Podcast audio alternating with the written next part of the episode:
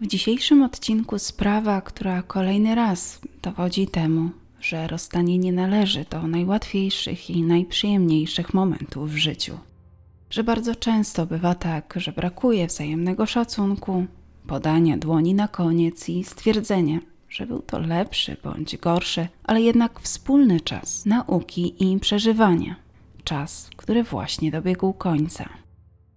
Bo może tak jak i z przyjaźniami, związki również mają swój termin przydatności i w pewnym momencie wszystkie związane z tą romantyczną relacją aspekty wygasają, przemijają, po prostu znikają.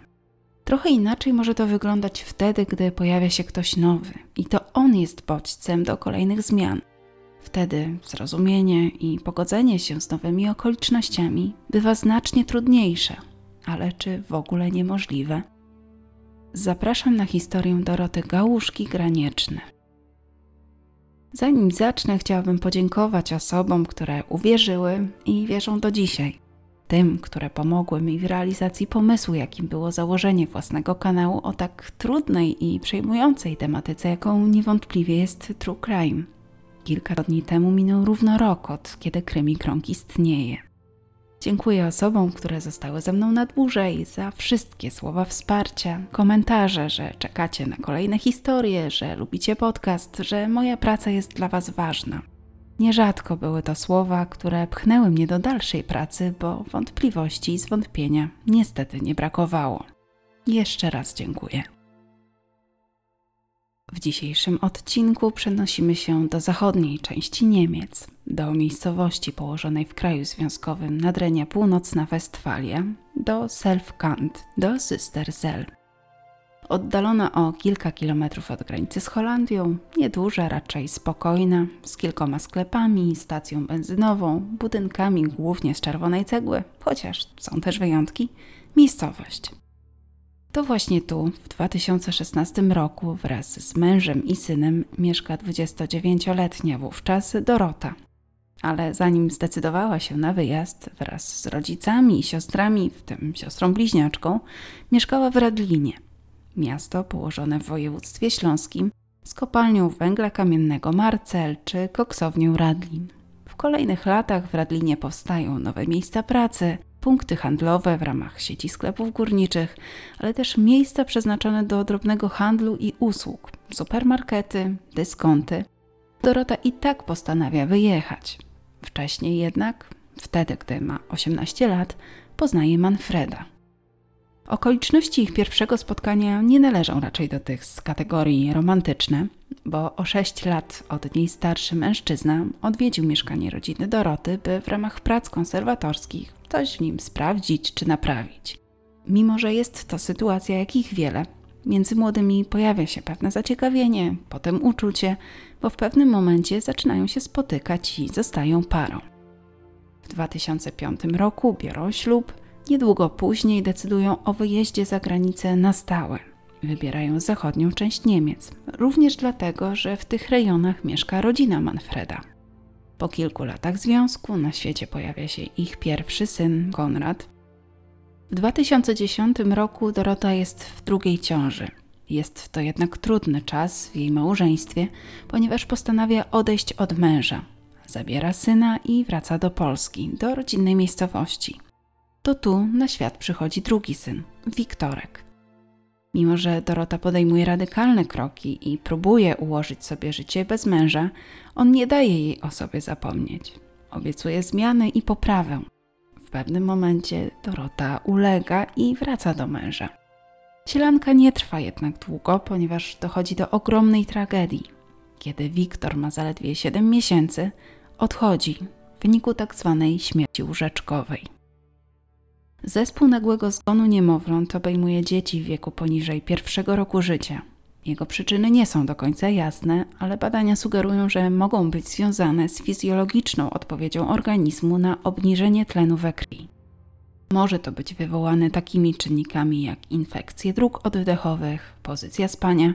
Zaleca się, aby dziecko zawsze układać na plecach, ale też nieprawidłową pracą mózgu w wyniku narażenia dziecka jeszcze w czasie ciąży na działanie substancji toksycznych. Jako przykład podaje się palenie papierosów podczas ciąży, co może zmniejszyć ilość tlenu, jaki otrzymuje płód. Do głównych przyczyn zalicza się również problemy z układem odpornościowym i zaburzenia metaboliczne. Jest to niewątpliwie ogromna tragedia. Niemniej jednak małżonkowie próbują w miarę normalnie funkcjonować, chociażby dla Konrada, czyli pierwszego syna. Życie biegnie swoim rytmem. Dorota podejmuje pracę na stanowisku kucharki w przedszkolu, dorabia sobie również w pizzerii. Manfred pracuje na budowach, między innymi jako kafelkarz. Tak mijają kolejne lata, aż do 22 sierpnia 2023 roku, kiedy to do domu Manfreda, do szeregowca w dzielnicy Geilenkirchen w Gilrach, w którym wówczas mieszka, wkracza policja. Manfred G. zostaje aresztowany, jak się okazuje, w kontekście zaginięcia żony, do którego doszło 7 lat wcześniej. 2016 rok, 18 października, wtorek. Jest to dzień, w którym Dorota widziana była po raz ostatni, chociaż zawiadomienie o jej zaginięciu Manfred składa dopiero trzy dni później. O tym, co się stało, najbliższa rodzina dowiaduje się kolejnego dnia, w środę. Między innymi przez to, że nie udaje im się skontaktować z Dorotą, chociaż codzienne telefony były wręcz normalnością. Zarówno w niedzielę, jak i w poniedziałek mama Doroty jeszcze z nią rozmawiała. We wtorek już się to nie udało. Z kolei w czwartek rodzice Doroty są już w miejscowości, w której dotąd mieszkała. Wtedy też rozpoczynają się poszukiwania, chociaż te policyjne w początkowym etapie nie są bardzo intensywne. Podobno dlatego, że nie brano wówczas pod uwagę wersji o ewentualnym uprowadzeniu. Założono raczej, że Dorota stała się ofiarą przestępstwa. Działania mające na celu jej odnalezienie podjęte zostają dopiero wówczas, gdy w sprawę angażuje się detektyw, dostarczając śledczym pewne materiały, które przynajmniej w tamtym momencie mogą poddać pod wątpliwość obrany przez nich kierunek działań. Sprawdzono co prawda różne warianty i różne wersje wydarzeń, bo nie wykluczono, że Dorota wróciła do Polski, że mąż wyrzucił ją z domu po tym, gdy dowiedział się o pewnym jej znajomym, tego, że ktoś ją porwał albo z kimś uciekła, bądź pojechała do Holandii, bo pojawiły się zeznania, jakoby w noc zaginięcia Doroty w pobliżu miejsca jej zamieszkania ktoś widział tajemniczy czarny samochód na holenderskich numerach. Później wycofano się z tych zeznań. Zweryfikowano również wersję przedstawioną przez męża Doroty, Twierdził, że tego pamiętnego dnia bardzo się pokłócili. To właśnie wtedy Dorota miała mu powiedzieć o swojej decyzji. Chciała od niego odejść. Zażądała również separacji. Planowała, że wraz z synem przeprowadzi się do siostry na Bawarię. Ustalono, że tego październikowego wieczoru jeden z sąsiadów słyszał głośną kłótnię w domu Doroty i Manfreda, co w pewnym zakresie potwierdza przedstawioną przez niego wersję wydarzeń. Zdaniem Manfreda jego żona wyszła z domu przy Anasztrasę dobrowolnie, w tylko jej znanym kierunku, około godziny 23. Zabrała ze sobą jedynie portfel, w którym miała 90 euro, rzeczy osobiste takie jak chociażby komórka czy okulary korekcyjne, które na co dzień nosiła, zostały w domu. Wszystko wyglądało tak, jakby wyszła tylko na chwilę. Podobno wcześniej już tak się zdarzało, że po kłótni wychodziła z domu. Najczęściej szła do miejscowej pizzerii, gdzie dorabiała. Zawsze jednak wracała. Manfred twierdzi, że nie szukał Doroty również dlatego, że taki przebieg kłótni, a właściwie ostatni jej etap, nie był niczym nowym. Zeznaje również, że w ogóle nie wychodził tej nocy z domu. W związku z podejrzeniem, że może on mieć coś wspólnego z zaginięciem żony, Dwa tygodnie po tym, gdy 29-latka widziana była po raz ostatni i nie nawiązała kontaktu z nikim z rodziny i znajomych, Manfred zostaje aresztowany pod zarzutem nieumyślnego spowodowania śmierci. W międzyczasie przeszukany zostaje dom, w którym dotąd mieszkali. Kiedy śledczym nie udaje się znaleźć żadnych śladów i dowodów potwierdzających powyższą wersję, a Manfred do niczego się nie przyznaje, twierdząc, że nie zrobił niczego złego, jeszcze tego samego dnia zostaje wypuszczony. To również on przyjmuje opiekę nad synem. W poszukiwania zaangażowanych jest wiele osób, zarówno mieszkańcy okolicznych miejscowości, miejscowa Polonia, wolontariusze oraz Związek Polaków w Niemczech, jak również policja, straż i nurkowie. Sprawa zyskuje rozgłos medialny zarówno w Niemczech, jak i w Polsce. Wydrukowano również plakaty, które rozwieszano w zasadzie wszędzie, w nadziei, że ktoś skojarzy coś, co przyczyni się do ustalenia miejsca, w którym przebywa Dorota. Do mediów podane zostają okoliczności jej zaginięcia wraz z rysopisem. Proszono o przekazanie informacji związanych ze sprawą. Stworzono nawet specjalną stronę na Facebooku, gdzie pojawiały się najbardziej aktualne informacje związane z zaginięciem.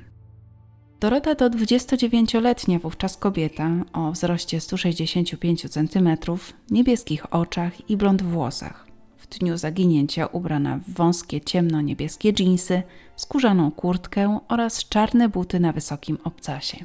Nosi okulary korekcyjne, jednak w ten kluczowy dla sprawy dzień zostawiła je w domu. Ostatni raz widziana w Zystersel. Dopiero 7 listopada 2016 roku ruszają policyjne poszukiwania obejmujące również czynności związane ze sprawdzeniem okolicznych lasów, zbiorników wodnych, terenu byłego kamieniołomu w strefie przygranicznej, ale także miejskiego monitoringu. Niestety, na żadnym nagraniu nie widać Doroty. W trakcie poszukiwań znaleziono parę damskich rajstop, którą próbowano połączyć ze sprawą zaginięcia, Okazało się jednak, że był to po prostu porzucony przez zupełnie kogoś innego element damskiej garderoby. Poszukiwania trwały również w miejscowościach na terenie Holandii. Pojawiła się wówczas wątpliwość, czy kobieta w ogóle wychodziła z domu, a jeśli tak, to w którym kierunku poszła, bo żadna z lokalnych kamer tego nie zarejestrowała. Zarejestrowała natomiast pewien samochód marki BMW, ale o tym za chwilę. Przesłuchani zostają również świadkowie, znajomi i najbliższa rodzina. Z ich wyjaśnień wyłania się dość niepokojący obraz relacji Doroty i Manfreda. Bo chociaż odległość dzieląca Dorotę z jej najbliższymi jest duża, to 29-latka jest bardzo z nimi zżyta. Mają częsty i regularny kontakt, a nawet ustalony schemat. Kiedy mama Doroty chce z nią porozmawiać, łączy się z córką, ale tylko jednym sygnałem puszcza strzałkę. Po chwili córka odzwania. Rozmowy odbywają się nawet kilka razy dziennie. Kobiety rozmawiają m.in. o swojej codzienności. Dorota chętnie opowiada o tym, co robi, co się wydarzyło w pracy, co słychać u syna, ale też o tym, jak wygląda jej relacja z mężem. A jak się okazuje, nie należała ona ani do najłatwiejszych, ani do udanych. Małżonkowie nie potrafią się dogadać. Wiele ich rozmów kończy się kłótniami. Manfred ma być o Dorotę bardzo zazdrosny. Nierzadko ją kontroluje. Podobno kilka dni przed zaginięciem podrzucił jej lokalizator, by sprawdzić, czy dotarła do miejsca, w które powiedziała, że zamierza pojechać. Dorota znalazła to urządzenie. Był to kolejny powód do awantury, a może nawet pewien punkt, w związku z którym 29-latka zdecydowała się powiedzieć mu o swojej decyzji. Ponadto w wielu kwestiach Manfred ma mijać się z prawdą, co również jest powodem do kolejnych kłótni, bo Dorocie zależy na tym, aby to się zmieniło, aby jej mąż się zmienił. W trakcie rozmów ze swoimi najbliższymi Dorota dzieli się swoimi problemami, obawami, ale też planami na przyszłość, a wynika z nich to, że planuje ponownie odejść od męża Podaje różne daty, ale za każdym razem przesuwa termin o kolejnych kilka tygodni, a nawet miesięcy. Mama Doroty wspiera ją w jej wyborach. Co więcej, widząc, że jest zdecydowana na odejście od męża, próbuje wpłynąć na córkę, by zrobiła to jak najszybciej i nie przeciągała tych radykalnych kroków w czasie.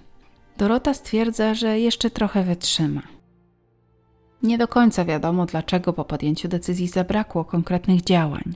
Dlaczego tak kluczowy dla małżeństwa Doroty moment był przez nią odwlekany w czasie. Niemniej jednak w ramach dalszych czynności wychodzi na jaw, że 29-latka planowała zmienić swoje życie, że chciała odejść od męża, ale też, że w jej życiu pojawił się inny mężczyzna. Z zeznań osób związanych z Dorotą jasno wynikało, że Dorota odnowiła znajomość z kolegą z dawnych lat. Miało to trwać od co najmniej 8 miesięcy. Podobno nie można było tego nazwać związkiem. Relacja cały czas się rozwijała. Wspomnianym mężczyzną miał być znajomy Doroty z jej rodzinnej miejscowości, 29-letni mężczyzna, na stałe mieszkający w Holandii. W ramach kolejnych czynności ustalono, że w wieczór zaginięcia również mieli ze sobą kontakt. Czat zakończył się około 22.30. Późniejsze próby kontaktu pozostawały nieudane.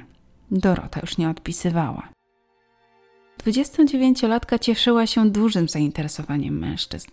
Miał ją również adorować właściciel pizzerii, w której pracowała, i to do tego stopnia, że otrzymała od niego dość wymowny prezent, jakim niewątpliwie był komplet bielizny. Z pewnych względów, mimo że Dorotę uznaje się za osobę zaginioną, coraz częściej pojawia się przypuszczenie, jakoby stała się ofiarą przestępstwa. Rodzina podejrzewa jej męża. To zdanie może popierać SMS, który 29-latka wysłała siostrze krótko przed zaginięciem, z informacją, że skonfrontowała się z Manfredem, mówiąc o swoich planach, natomiast on ma jej robić problemy. Najprawdopodobniej chodziło o sprawę rozwodową i sprawowanie opieki nad synem.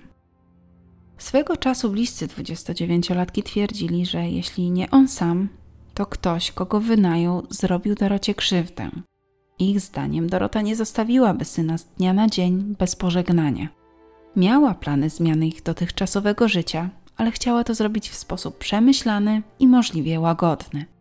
Ponadto nie miała ze sobą dużej sumy pieniędzy, rzeczy osobistych, nie bez znaczenia pozostawały również okoliczności. Do zaginięcia doszło po kluczowej dla małżeństwa Doroty i Manfreda rozmowie, w której oświadczyła, że chce zabrać syna i odejść. Bliscy sugerowali nawet, by sprawdzić budowy, na których 35-latek pracował, bo ich zdaniem to na którejś z nich ukrył ciało Doroty. Pod wątpliwość poddano również ubiór zaginionej. 29-latka miała być wówczas mocno przeziębiona, miała gorączkę. Zdaniem najbliższych, w chłodny październikowy wieczór wybrałaby inny strój i wygodniejsze buty. Wszystko to jedynie podejrzenia, a ponieważ w sprawie zabrakło dowodów umożliwiających przedstawienie komukolwiek zarzutów, wkrótce zostaje ona zawieszona. Działania mają zostać wznowione wtedy, gdy w sprawie pojawią się nowe wskazówki. Jeśli jakimś sposobem Manfred zostałby wówczas skazany na podstawie poszlak, to grożący mu wyrok byłby bardzo niski i nawet jeśli w przyszłości pojawiłyby się dowody, to nie zostałby ponownie skazany i nie otrzymałby wyższej kary. Wynika to między innymi z Karty Praw Podstawowych Unii Europejskiej, dokładnie z artykułu 50, w którym mowa o tym, że Nikt nie może być ponownie sądzony lub ukarany w postępowaniu karnym za ten sam czyn zabroniony pod groźbą kary, w odniesieniu do którego zgodnie z ustawą został już uprzednio uniewinniony lub za który został już uprzednio skazany prawomocnym wyrokiem na terytorium Unii. Jest co prawda możliwość wznowienia postępowania zgodnie z ustawą i zasadami postępowania karnego danego państwa, pod warunkiem, że zaistnieją nowe lub nowo ujawnione fakty, lub jeśli w poprzednim postępowaniu dopuszczono się rażącego uchybienia, które mogło mieć wpływ na wynik sprawy. Nie pozostaje więc nic innego jak działanie na własną rękę. W próbę rozwikłania zagadki zaginięcia Doroty angażują się również fundacje, ale też jasnowidze i detektywi. Z wizji jasnowidzów wynikało, że Dorota nie żyje, bo ktoś jej to życie odebrał. Natomiast jej ciało zakopano niedaleko domu, w pobliżu wody. Dziewczyna miała zginąć w tragicznych okolicznościach. Zwrócono się również o pomoc do Krzysztofa Jackowskiego, który wskazał konkretny obszar, w którym należy szukać. Był to teren leśny. Kiedy grupa poszukiwawcza się tam pojawiła, po jakimś czasie jedna z uczestniczek znalazła łopatę, o czym poinformowano policję, która podobno nie zainteresowała się odnalezionym przedmiotem w takim stopniu, w jakim by tego oczekiwano. Kiedy próbowano dowiedzieć się, z czego wynika takie działanie, odmawiano odpowiedzi, zasłaniając się dobrem śledztwa, co wprawiało w jeszcze większe zdziwienie, bo swego czasu i główną wersją było to, że ciało Doroty ukryte zostało na terenach leśnych w Selfkant. Ponieważ działania poszukiwawcze, wynajęcie odpowiedniego sprzętu i inne niezbędne czynności są dość drogie, po pięciu latach od zaginięcia Doroty, jej rodzina wraz z zaangażowanymi wolontariuszami zwróciła się o pomoc, zakładając na ten cel zbiórkę. Planowano wtedy poszukiwania na dużą skalę, z psami tropiącymi, specjalistycznym sprzętem, więc liczyły się każde środki. I chociaż przeprowadzone wówczas działania nie przyniosły odpowiedzi, co się wydarzyło w październiku 2016 roku, rodzina się nie poddała. Organizowała kolejne poszukiwania, angażując kolejne osoby. Zapewne zaciekawiła Cię ta historia. Jest to najlepszy moment na wykonanie trzech prostych czynności. Subskrybuj, skomentuj, polub. Miłego odsłuchu. W międzyczasie z inicjatywy pochodzącej z Polski, a mieszkającej na stałe w Niemczech wolontariuszki, w sprawę włączają się detektywi. Z ich ustaleń wynika, że Manfred od początku mijał się z prawdą. Dzięki nagraniom z kamer monitoringu udaje się ustalić, że 35-letni wówczas mężczyzna, który od początku twierdził, że w noc zaginięcia Doroty nie wychodził z domu, tak naprawdę wychodził i to kilkukrotnie. Ustalono, że o godzinie 23.07 kilka razy samochód marki BMW odjeżdżał spod domu Doroty i tam wracał. Manfred twierdził, że samochód z nagrania nie jest jego, że jest zbyt mały w porównaniu z tym, którym on jeździ.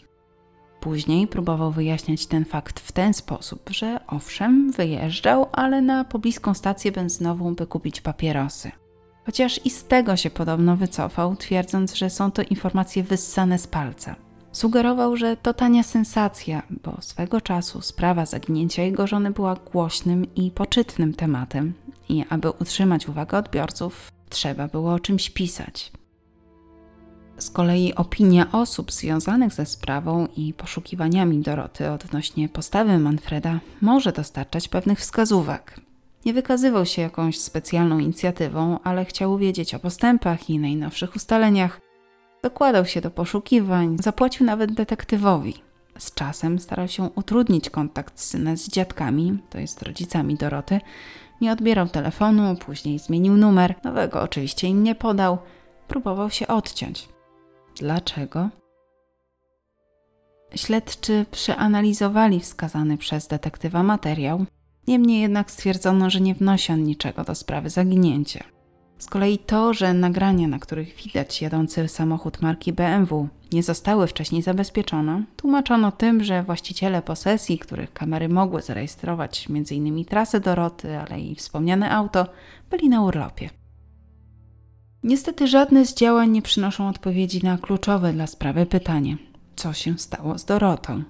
Mimo kolejnych prób, tego, że Manfred cały czas pozostaje w kręgu zainteresowania śledczych, że pojawiają się kolejne poszlaki, to potrzebnych było aż 7 długich lat, by ustalić właściwy przebieg wydarzeń, tym samym typując odpowiedzialnego za tragedię człowieka.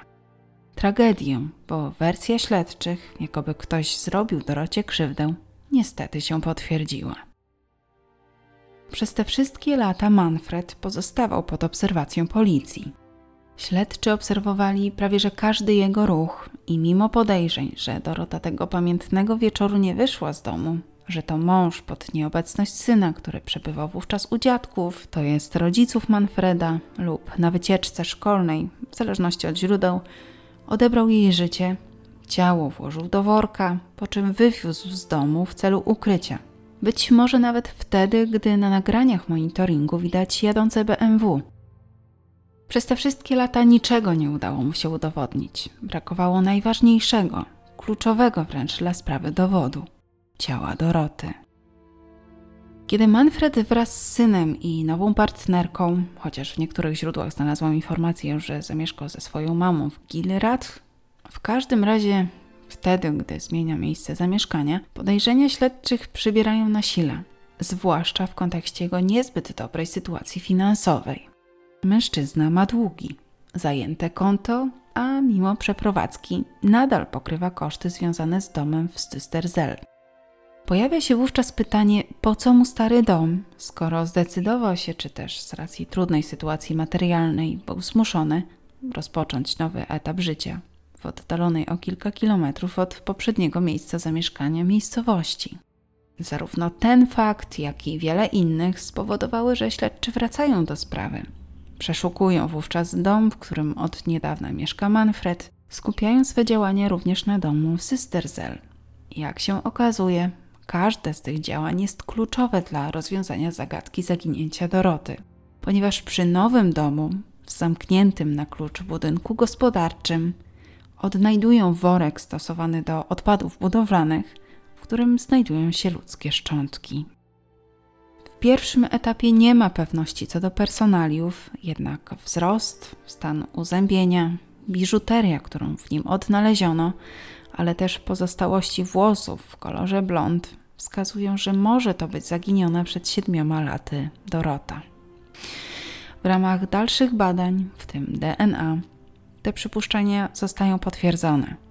Okazuje się również, że 29-letnia wówczas kobieta zginęła w wyniku uduszenia, do którego doszło w jej własnym domu, najprawdopodobniej między 22.25 a 22.35 18 października 2016 roku, czyli w dniu, w którym widziana była po raz ostatni, notabene przez własnego męża. Dorota podobno się nie broniła, została zaatakowana z zaskoczenia.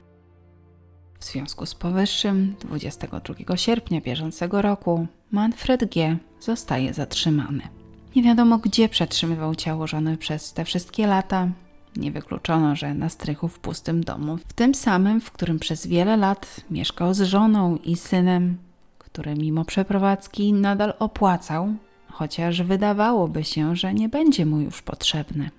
W związku z powyższym ponownie przeszukano dom i strych z wykorzystaniem umiejętności psów tropiących. Być może właśnie po to, by nadal ukrywać ciało żony, pokrywał koszty związane ze starym domem. Być może po to była mu potrzebna pusta nieruchomość.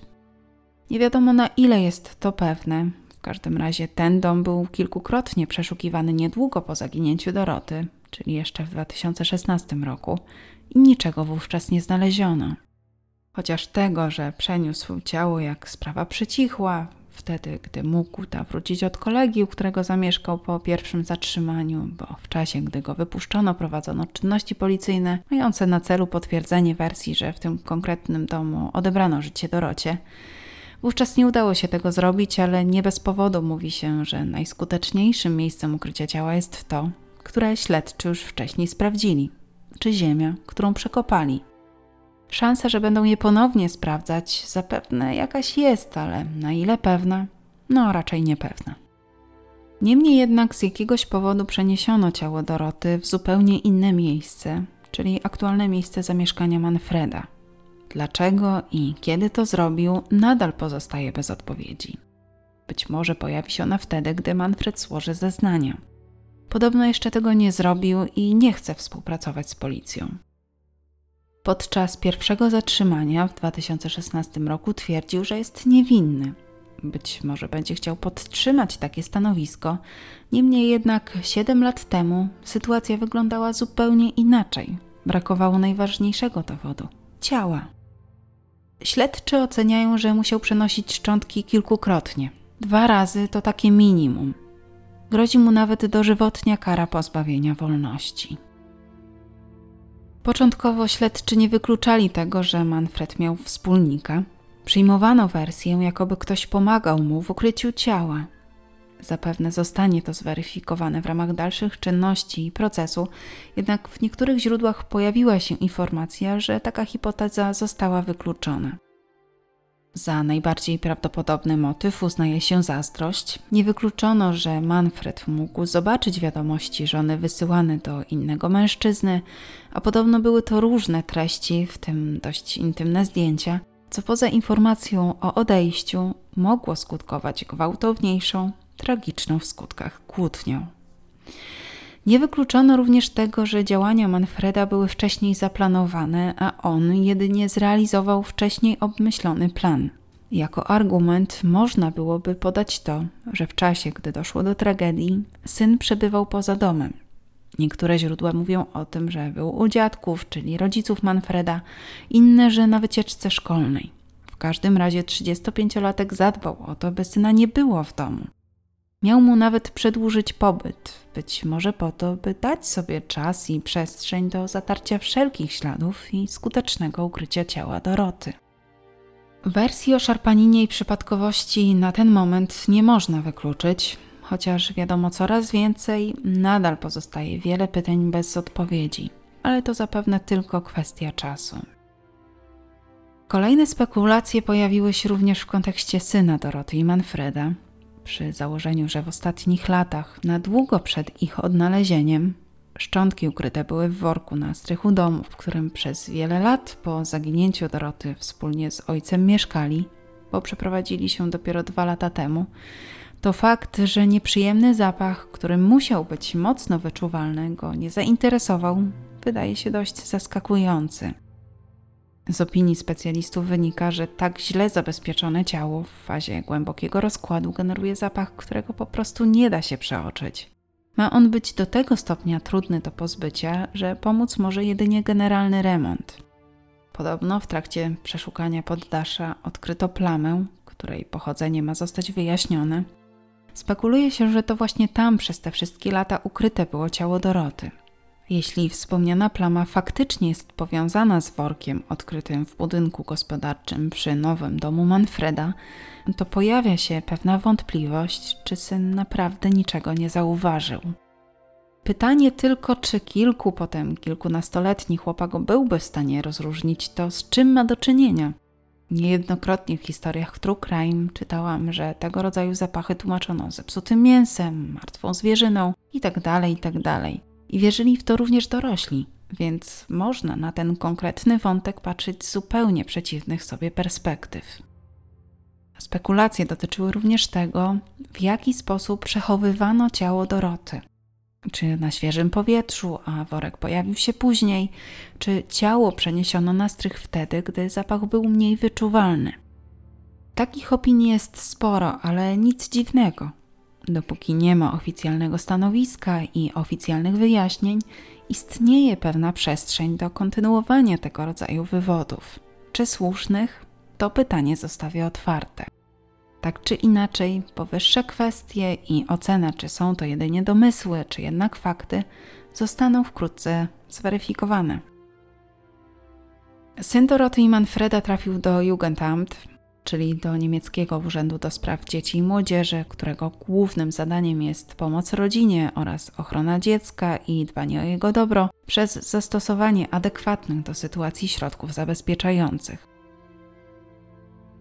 Niestety w tej historii osób skrzywdzonych i poszkodowanych jest więcej. Bez wątpienia jedną z nich jest syn Doroty i Manfreda. Kolejną ojciec Doroty, który nie doczekał rozwiązania zagadki zaginięcia córki. W wieku zaledwie 62 lat zmarł na zawał. Uroczystości pogrzebowe Doroty odbyły się 13 września 2023 roku w rodzinnym Radlinie. Do dnia, w którym nagrałam ten materiał, były to najbardziej aktualne informacje w tej sprawie. Zachęcam do aktualizowania, niezależnie czy słuchacie odcinka krótko po opublikowaniu, a już są nowe informacje, czy rok, dwa czy trzy lata później. W tym odcinku to już wszystko. Zachęcam Was do pozostania w kręgu kryminalnym na dłużej, czyli zostawienia subskrypcji, polubienia, komentarza, a najlepiej wszystkiego razem. Przypominam o możliwości wspierania kanału, a także o grupie na Facebooku i profilu na Instagramie. Odcinek powstał na podstawie ogólnodostępnych informacji, źródła jak zwykle w opisie. Czy zostaniesz kolejnym ogniwem krymi kręgu? Do usłyszenia całkiem zaraz.